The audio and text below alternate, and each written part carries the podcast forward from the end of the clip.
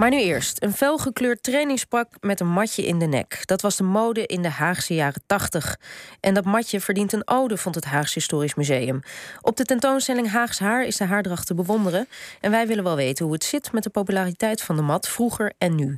En laat Juri Straatman, kapper en matjespecialist, daar nu alles van weten. Goedemorgen. Ja, Juri. Ja. goedemorgen. Ja, Jordi Straatman, goedemorgen. Nogmaals, uh, jij wordt de mattenkoning genoemd in Den Haag, als wij het goed gehoord hebben. Waar heb jij die bijnaam aan te danken? Uh, de mattenkoning, ja, dat komt eigenlijk omdat ik uh, ja, zelf altijd een mat heb gehad en heel erg bezig ben geweest om altijd het ding te promoten. En op dit moment is het gewoon heel erg in trek en ja, ik neem er gewoon heel veel. dat is het. En waar, moet waar moet een goede mat aan voldoen? Ja, eh, voor mij zijn het, uh, betekent de goede mat eigenlijk de oortjes lekker vrij. Bovenop mag het een stukje korter. En uh, achter mag het uh, lekker wapperen. Dat, eigenlijk is dat voor mij het belangrijkste. ja. En je hebt er nu zelf ook nog één?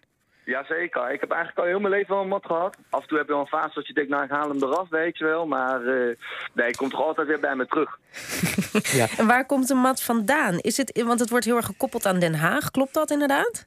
Nou ja, ik zeg altijd, uh, je kan het niet echt claimen, weet je. Het is natuurlijk, uh, je ziet het ook in Amerika, je ziet het overal. En uh, in Australië gaat hij ook heel lekker en in Canada. Maar het is in Den Haag, ja, in Nederland vind ik het gewoon, dat hoort bij Den Haag. We hebben het altijd gehad. Het is in de rest van Nederland meer een fashion ding geweest, weet je. In Amsterdam heb je een mat omdat het mode is. Maar in Den Haag doe je gewoon een mat omdat het gewoon erbij hoort, weet je. Het is gewoon DNA, het zit in de cultuur, het komt uit het water, je, het zit gewoon je DNA. Dus als een Amsterdammer een mat draagt, dan kijk je een beetje van, nou, dit is niet echt...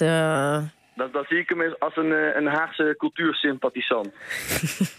ja. En, en, en we, we lazen ook dat het al, uh, zo gaat het vaak bij dit soort dingen... als het niet helemaal duidelijk is waar het vandaan komt... dat, dat er al bij Neandertalers en oude Egyptenaren... Uh, al matten waren gezien in afbeeldingen. Ja, nee, ja, dat, eh, dat, dat zeg maar, als, als mensen vragen van, ja, waar komt dat vandaan? En zeggen mensen David Bowie, weet je, en dat soort dingen. Maar ja, als je heel ver terug gaat kijken, de Neandertalers hadden eigenlijk ook al matten, weet je wel. Dus uh, in ieder geval, zo zag het in ieder geval uit als je het aan mij vraagt. En uh, ja, en het verschil tussen een Hagenees en een Neandertaler is vaak ook nog heel klein. Dus, ja, en, en, als je terug gaat naar de jaren tachtig, want, want sinds wanneer draag jij een matje? Eigenlijk voor mij, ja, ik, ik, ik kom, zo, zo oud ben ik gelukkig nog niet. Ik uh, kom uit de jaren 90, maar eigenlijk, uh, ja, sinds dat ik eigenlijk uh, ben, heb ik wel een mat hoor. Ja, en, en wie droeg het toen in de jaren 80 het matje? Want veel mensen hebben altijd beelden van gabbers en ADO-supporters. Klopt dat? Of, of... Nou, dat is wel mijn inspiratiebron altijd geweest. ik bedoel, Den Haag had in 86 een onwijs goed elftal... wat de ongeslagen kampioen is geweest van de eerste divisie.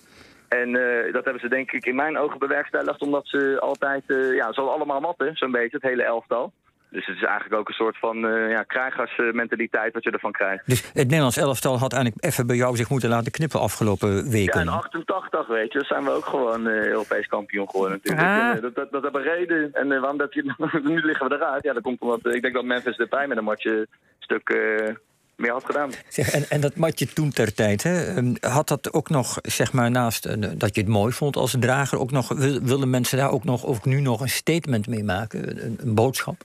Ja, ik denk dat het uh, voor heel veel mensen nu... Uh, uh, zeg maar, het is altijd al een beetje een rebels kapsel geweest. En ik denk in deze tijd, als je ja, rond de 30 bent, in de 20... en je zoekt een huis en dat is moeilijk en klimaatcrisis... en er zijn zo, komt zoveel ellende op je af...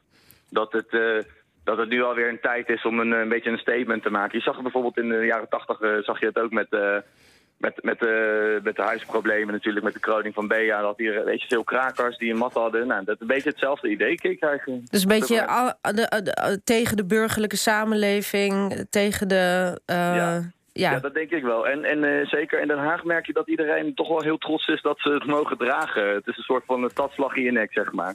Goed, nou, ik kijk even naar Bart Funnekotter, onze boekrecensent hier. Uh, uh, Bart, heb je al, denk je al van ja, dit ga ik doen?